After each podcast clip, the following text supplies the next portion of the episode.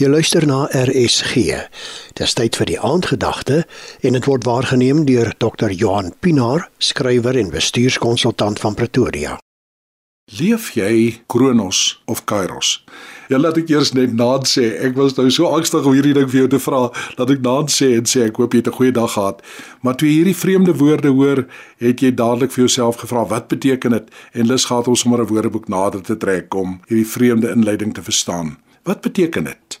Kronos en Kairos is twee woorde wat baie maal in die Nuwe Testament vir tyd gebruik word. Alhoewel die Grieks van die Bybel 'n baie dinamiese taal was en woorde baie veelkleurig, kan ons tog waag om hoofbetekenisse aan die woorde toe te ken. Kronos erken ons in die woord kronologies en kan vertaal word met horlosietyd. Dit is die tyd wat in minute, ure en jare afspeel. Dit is tyd wat met 'n gister, vandag en môre gemeet word. Dit is die tyd waar volgens ek en jy gewoonlik leef.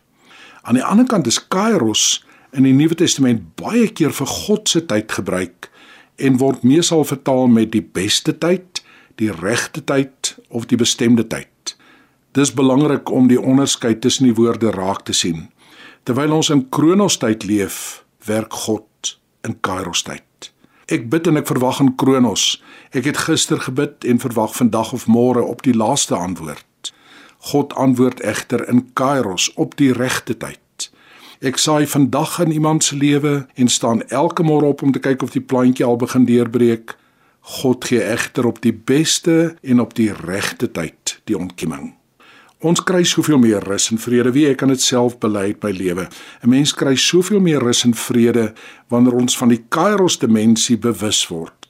Soveel van ons vrae rondom sogenaamde onbeantwoorde gebede en onvervulde verwagtinge verdwyn wanneer ons begin instel op die tyd bo die tyd.